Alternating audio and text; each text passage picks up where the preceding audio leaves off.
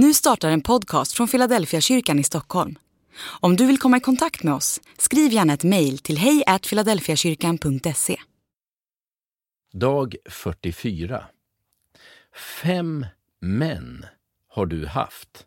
Johannes evangeliet kapitel 4 och vers 18. Vad ska man säga om kvinnans alla affärer? Om hon hade haft en väninna så skulle hon säkert ha bett henne tänka på sitt rykte och försökt tala henne till rätta. En väninna hade nog velat sitta ner och diskutera vilka drömmar kvinnan hade och vad hon egentligen längtade efter.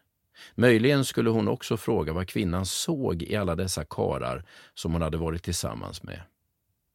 En jurist i det dåtida samhället hade varnat henne för att hon befann sig på olaglig mark. Att vara tillsammans med en man utan att vara gift med honom kunde leda till kännbara straff och i värsta fall döden. Vår tids folkhälsoinstitut hade med säkerhet varnat kvinnan för att hon befann sig i riskzonen för sexuellt överförbara sjukdomar.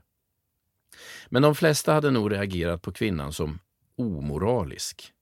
Jesus säger ju uttryckligen att den man hon nu har inte är hennes. Det betyder att hon bedrar någon annan. Vad säger då Jesus om kvinnans mansaffärer? Egentligen ingenting. Han bara nämner att hon har haft fem män och att den hon nu inte är hennes egen.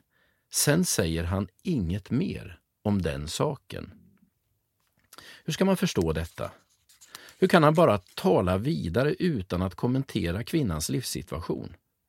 Om man lyssnar till hela samtalet så handlar kvinnans liv inte om relationer och sexualitet utan om en djup inre törst.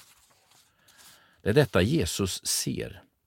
Kvinnans alla olyckliga affärer handlade egentligen inte om vilsen sexualitet eller oförmågan till långsiktiga relationer. Det hade det naturligtvis kunnat göra, men då hade samtalet sett annorlunda ut.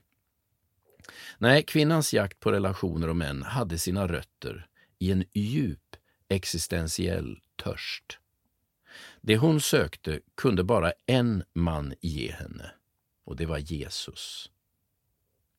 Andlig övning. Hur ser din livstörst ut? Söker du ibland vid fel källor? Sök dig idag till Jesus för att få din livstörst släckt.